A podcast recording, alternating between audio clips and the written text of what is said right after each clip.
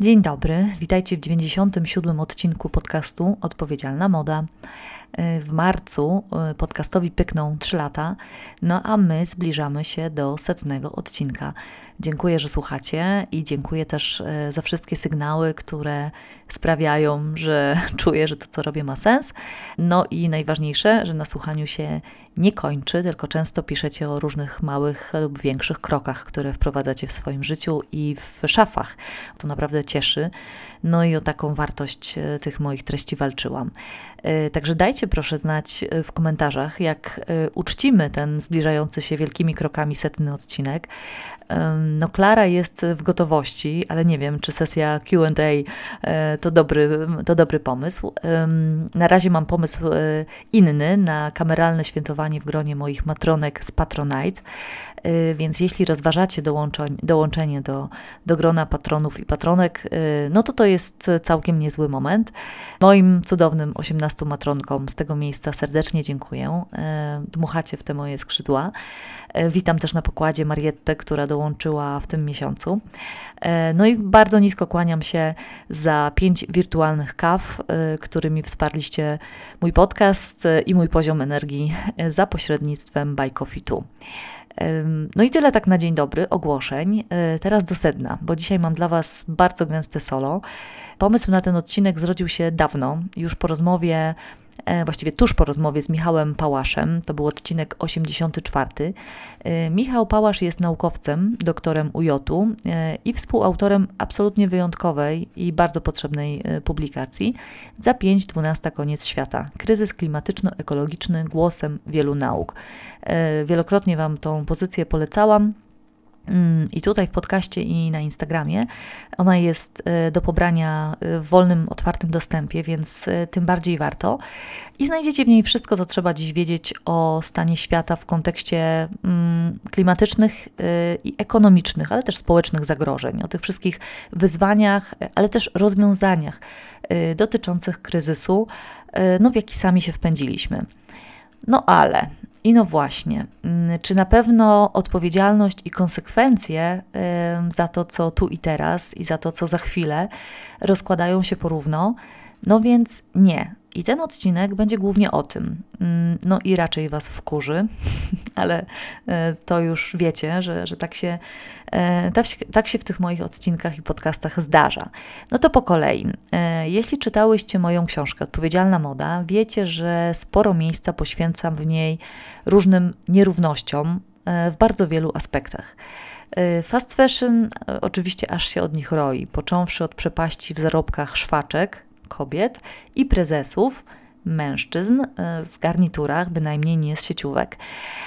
No a skończywszy na nierównej konsumpcji mody. Mm, mamy z jednej strony kilkadziesiąt nowych ubrań rocznie, kupowanych przez mieszkańców Ameryki, Stanów Zjednoczonych konkretnie, kontra odzieżowe śmieci wysyłane do Afryki, z których lokalna ludność próbuje coś dla siebie wyłuskać, ale większość kończy na dzikich i toksycznych wysypiskach. No i to zjawisko eksportowania śmieci mm, do uboższych krajów ma nawet swoją nazwę waste colonialism bo ten kolonialny wyzysk y, wcale się nie skończył, on tylko zakłada nowe maski. No i w tym wypadku y, przebrał się za szaty dobroczynności.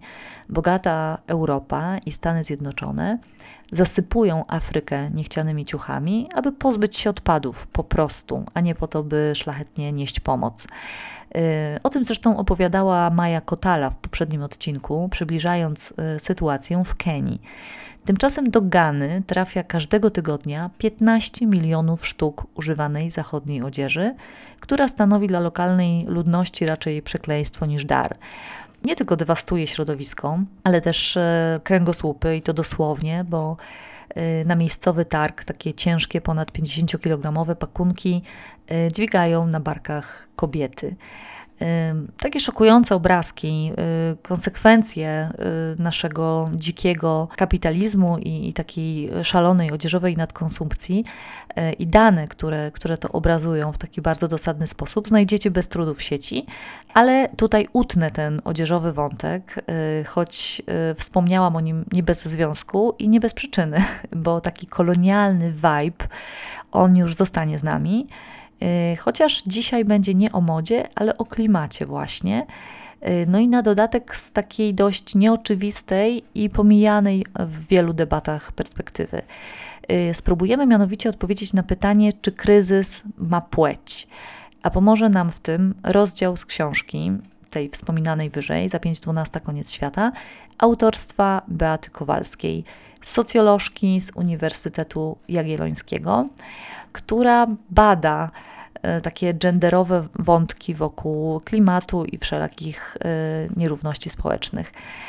No i zniecierpliwionym mm, tematem feminizmu i gender od razu zepsuje humor, zanim zdążą wyłączyć.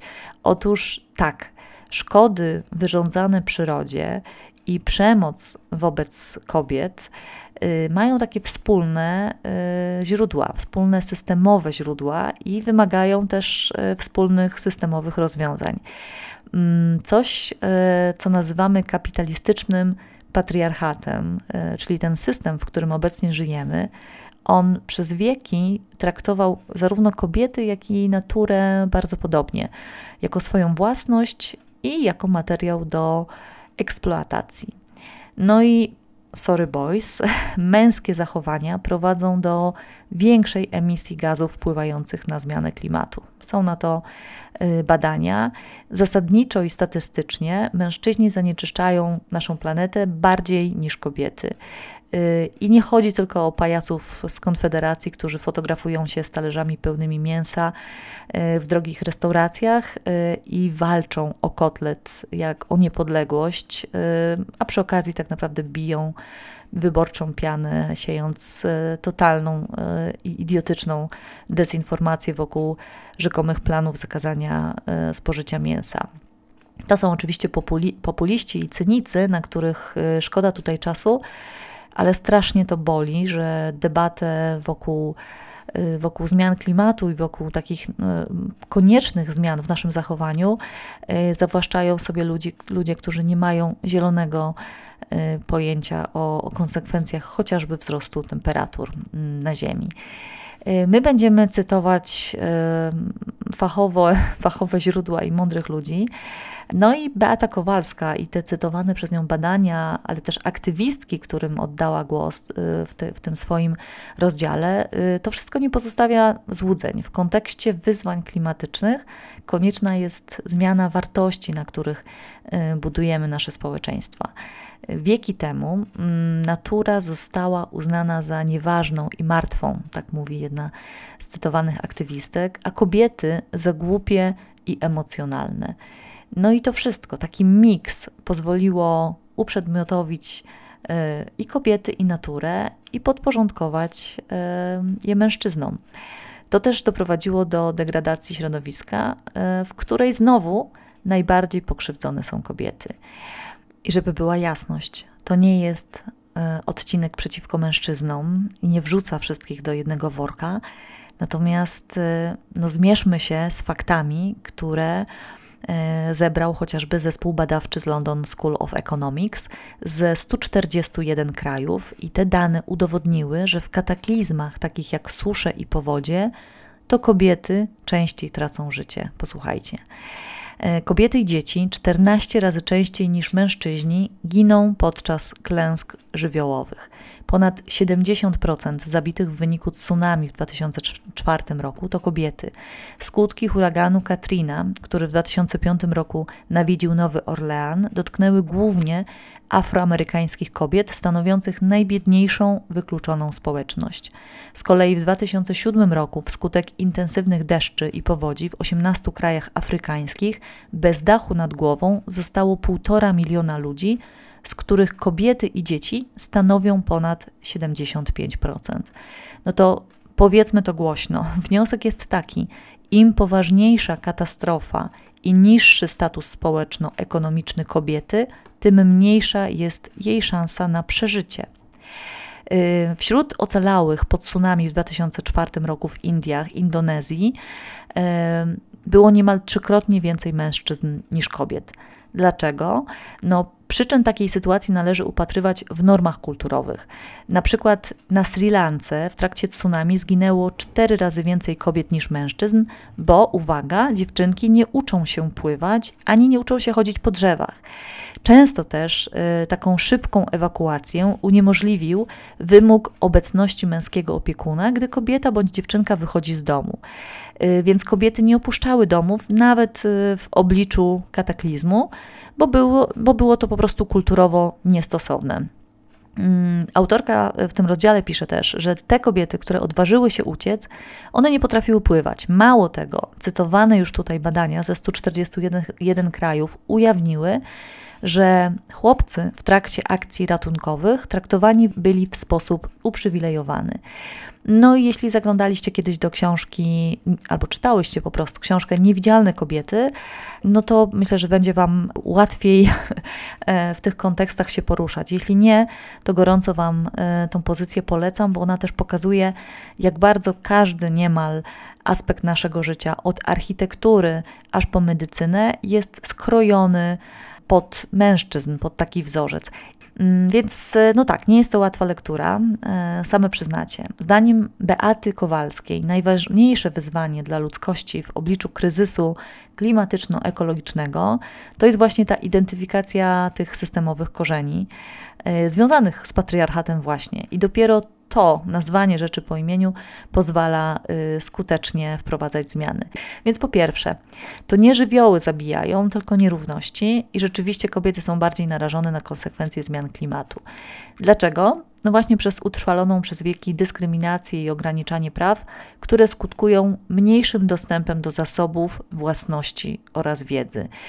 No wiemy to, czym jesteśmy biedniejsi, czym jesteśmy mniej e, e, wykształceni, wykształcone, e, tym trudniej jest nam radzić sobie z wszelkimi kryzysami. Pokazała to też pandemia, w której najbogatsi się bogacili, a biedni stawali się jeszcze biedniejsi.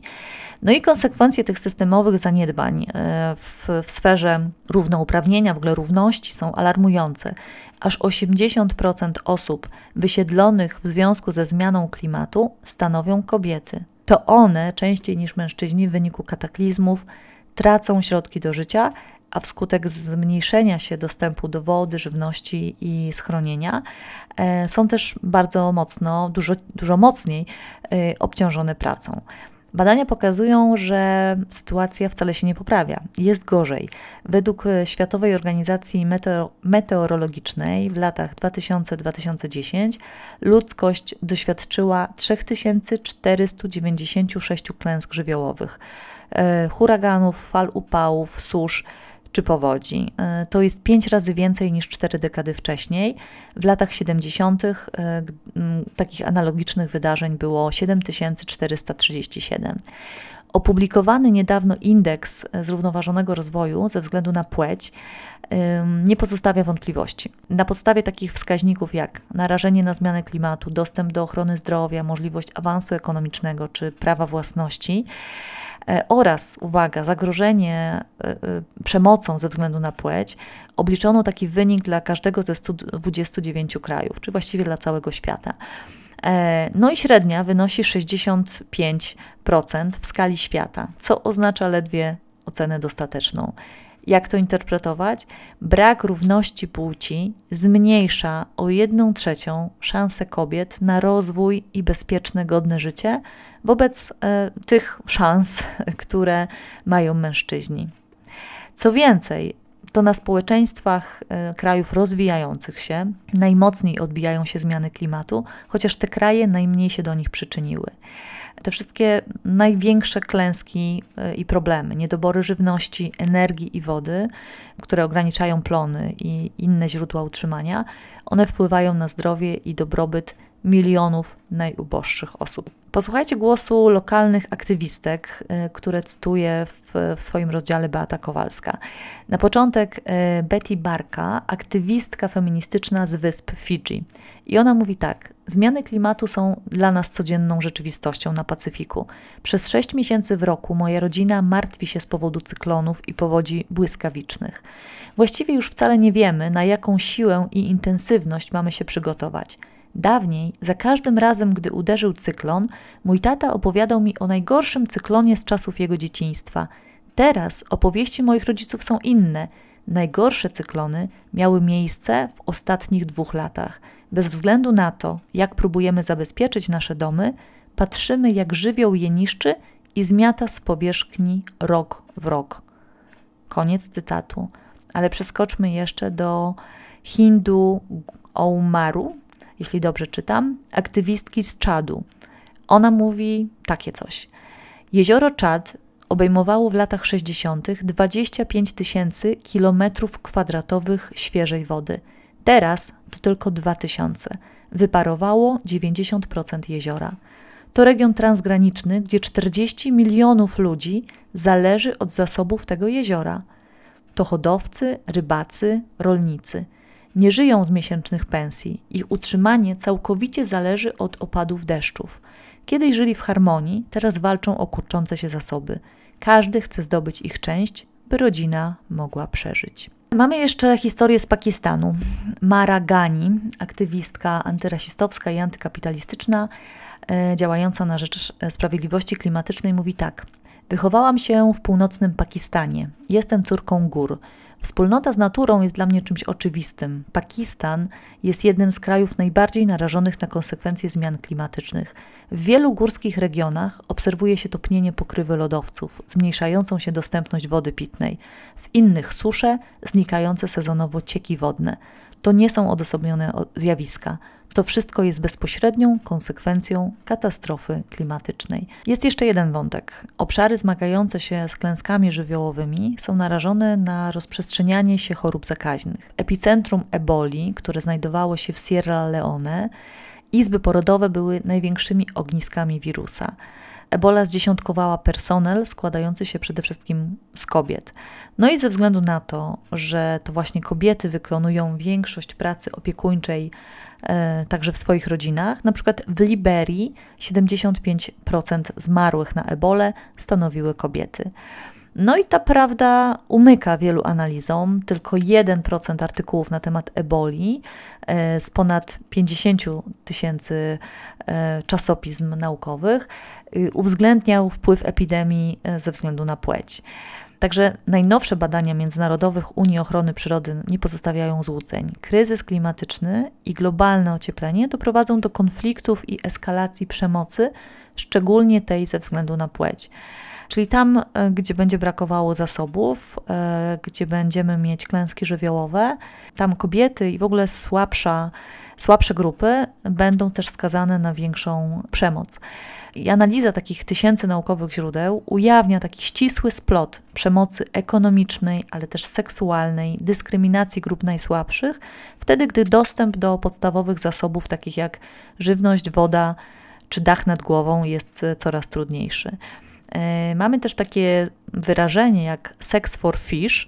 Ono opisuje sytuację w Afryce, e, sytuację zmuszania kobiet do seksu w obliczu braku dostępu do podstawowego źródła lokalnego pożywienia we wsiach utrzymujących się z rybołówstwa. Mm, więc kryzys klimatyczny i walka o coraz bardziej ograniczone zasoby będą prowadzić po prostu do częstszego występowania przemocy ze względu na płeć, i różnych napaści na tle seksualnym, także tej, tej przemocy domowej, pedofilii, ale też będą one po prostu przyjmowały takie, takie coraz brutalniejsze formy. No i mamy tutaj intensyfikację takich zjawisk jak przymusowa prostytucja, przymusowe małżeństwa czy handel ludźmi. E, no i ofiarami są przede wszystkim, zero zaskoczenia, kobiety. Autorka w pewnym momencie stawia nawet pytanie, y, czy mówimy wciąż o antropocenie, czy jednak o androcenie. Czego potrzebujemy, e, tak realnie i konkretnie? No, tych postulatów jest y, wiele, ale wśród nich postulaty zwiększenia reprezentacji kobiet w organach decydujących o kwestiach klimatu na szczeblu krajowym, ale też ogólnoświatowym. No i tu muszę, słuchajcie, dorzucić taką krótką dygresję. Mianowicie, przygotowując się do tego odcinka, e, dotarłam także do materiałów, które pokazywały wyraźny związek między tempem i skutecznością różnych zielonych rozwiązań, e, a zaangażowaniem kobiet. E, w dużym skrócie i w pewnym uproszczeniu, kraje, miasta, ale także firmy i organizacje, na czele których e, stoją kobiety, albo tych kobiet jest po prostu więcej, e, są niejako z natury bardziej zrównoważone niż te zarządzane po męsku, czyli niejako po staremu. Ten tak zwany business as usual, nastawiony wyłącznie na zysk, pośpiech, walkę z konkurencją, taką po trupach, to jest domena patriarchalnego, kapitalistycznego świata i domena facetów, którzy ten świat nam budowali. Kobiety najczęściej, albo inaczej, częściej e, współpracują i szukają rozwiązań typu win-win, e, które uwzględniają interesy różnych, e, różnych grup. No i w takim zrównoważonym rozwoju w sumie chodzi właśnie o taki dobrostan i o, o zaprzestanie takiego bardzo sztucznego podziału na to, co, co prywatne, na to, co mm, państwowe, co ogólnodostępne, tylko, tylko chodzi tak naprawdę o, o takie holistyczne podejście do życia. Więc e, no jeśli chcecie, nagram o tym odcinek, bo zachwycił mnie absolutnie trop w, e, mm, właśnie taki w tym studium przypadku zmian w Wiedniu, ale też e, tego, jak podchodziła do, do swojej polityki chociażby stojąca na czele Nowej Zelandii premierka. Więc możemy o tym pogadać. Wracając jeszcze do, do naszego rozdziału Klimat i Płeć Beaty Kowalskiej, podsumujmy to, co pewne. Ludzkość ponosi odpowiedzialność za zmiany klimatyczne i wynikające z nich problemy w bardzo różnym stopniu. E, o tym są zresztą osobne rozdziały książki za 5.12 Koniec Świata. E, w dużym skrócie, ludność najbiedniejszych państw, która szczególnie dotkliwie doświadcza konsekwencji kryzysu klimatycznego, wytwarza mniej więcej jedną setną emisji, które produkują mieszkańcy krajów najbogatszych jedną setną. E, różnimy się także oczywiście dostępem do wiedzy i związanymi z nią możliwościami zatrzymania zmian klimatycznych. Więc e, sprawa nierówności i to kolonialny, ten kolonialny podział świata wywala tutaj znowu korki. Autorka tego rozdziału przekonuje, że spojrzenie przez soczewkę genderową pozwala zrozumieć, jak poważne konsekwencje niesie splot kapitalizmu i patriarchatu, właśnie. I że kobiety z powodu ograniczonego dostępu do własności i bogactwa w mniejszym stopniu są odpowiedzialne za zużycie paliw kopalnych, rzadziej czerpią zyski z systemu gospodarczego opartego na ich wydobyciu i spalaniu. No i uwaga, stanowią jedynie 1% prezesek wśród kadry zarządzającej koncernów odpowiedzialnych za wydobywanie i spalanie tych paliw. Tak wskazują niezależne mm, badania. Męskie zachowania prowadzą do większej emisji gazów wpływających na zmianę klimatu. I w mm, analizach y, porównywano zachowania, dietę, codzienne czynności mężczyzn, to jak podróżują, y, co jedzą także w uprzemysłowionych krajach. No i stwierdzono, że kobiety emitują średnio o 7 kg mniej CO2 niż mężczyźni. Więc ten wniosek, że, że na mężczyznach e, spoczywa większa odpowiedzialność za zmiany klimatu, został tutaj poparty badaniami. No a tymczasem w szczytach klimatycznych i w konferencjach związanych z ochroną środowiska z jednej strony uczestniczą głównie mężczyźni, bo to oni dominują w dyplomacji i polityce, ale już kiedy dyskutuje się konkretne programy, ta kwestia kobieca znika. E, natomiast jak przyjrzymy się ruchom społecznym, strajkom klimatycznym, e, zaangażowaniu e, kobiet w zmianę świata, no to nagle okazuje się, że tam właśnie ta zmiana i ta troska o klimat ma twarz kobiety. Czasem młode dziewczyny, tak jak Greta Thunberg, o której tu też autorka wspomina, a czasem bardzo, bardzo leciwych aktywistek przytulających się do drzew w akcie obronienia ich przed wycinką co mogę powiedzieć na koniec? W kontekście tych zmian klimatycznych bardzo chodzi o to, żebyśmy umieli sobie wyobrazić trochę inną rzeczywistość. Nie o to, żebyśmy zrobili sobie nawalankę i żeby kobiety mm, przejęły władzę na, świat, na świecie i żebyśmy zamieniły patriarchat na matriarchat. Raczej, żebyśmy poszukali takiego, takiej sytuacji, takiej drogi, w której, w której mamy równość. Nie odgrywamy się i nie ma tutaj mowy o odwecie, ale wreszcie zaczynamy współpracować. No, ja naiwnie i idealistycznie wciąż wierzę w to, że potrafimy się dogadać ponad podziałami i że nie będzie to wizja z seks misji, ani jakaś parodia, parodia męskiego świata, tylko będzie to po prostu włączenie i, i równość. No i jak posłuchamy na koniec Mary Gani z Fuji, to ona mówi tak: Jeśli chcemy odejść od systemu opartego na przemocy, musimy sobie wyobrazić system, w którego centrum znajduje się opieka. Niektórzy nazywają to ekonomią opieki, etyką opieki, ekonomią regeneracyjną, feministyczną ekonomią postwzrostu. Ja powiedziałabym, że to znacznie więcej. Tak widzę świat, który pozwoli nam na wspólny rozkwit. No i tym dość patetycznym cytatem e, chciałam e, zakończyć ten odcinek, zostawiając trochę nadziei, którą zasiała we mnie taka myśl, że tam, gdzie zmiany klimatu dotykają kobiety najdotkliwiej, one często stają w takiej swojej mocy, kwestionują te zastane zasady i właśnie rozpoczynają bardzo spektakularną, aktywistyczną działalność na przekór temu, co się dzieje. I to jest coś bardzo, bardzo krzepiącego. Jedną z najbardziej rozpoznawalnych aktywistek, o której y, pisze Beata Kowalska, była laureatka pokojowej Nagrody Nobla, kenijska ekofeministka Wangari Muta Mati. To była pierwsza kobieta z tytułem profesorskim w Afryce Wschodniej, która w odpowiedzi na proces pustynnienia ziemi zapoczątkowała Green Belt Movement, akcję sadzenia, uwaga, 30 milionów drzew. Pozwoliło to stworzyć tysiące nowych miejsc pracy dla kenijskich kobiet, które pomogły im wyjść z biedy i głodu. Ten ruch rozprzestrzenił się też na kraje sąsiednie. No i te działania na rzecz przyrody e, są też połączone z zaangażowaniem na rzecz demokracji. Między innymi e, Mutai sprzeciwia się prywatyzacji lasów i uderza zarówno w patriarchat, jak i te neokolonialne struktury. Także moje drogie słuchaczki, kobiety, ale też mężczyźni, którzy nie godzicie się na, e, na nierówności e, wszelakie, w tym nierówność płci, e, zachęcam na koniec, żebyśmy odważnie mówiły, odważnie i głośno mówiły nie nie tylko dezinformacji, ale też różnym patriarchalnym zapędom, które uderzają w nasze zdrowie, życie, wolność. No te wątki będą chyba ze mną e, już na zawsze. Dziękuję Wam za wysłuchanie. Mm, zapraszam na socjale, Instagram odpowiedzialnamoda.pl.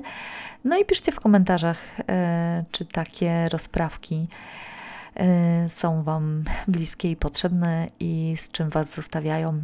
Dziękuję i do zaś. Trzymajcie się.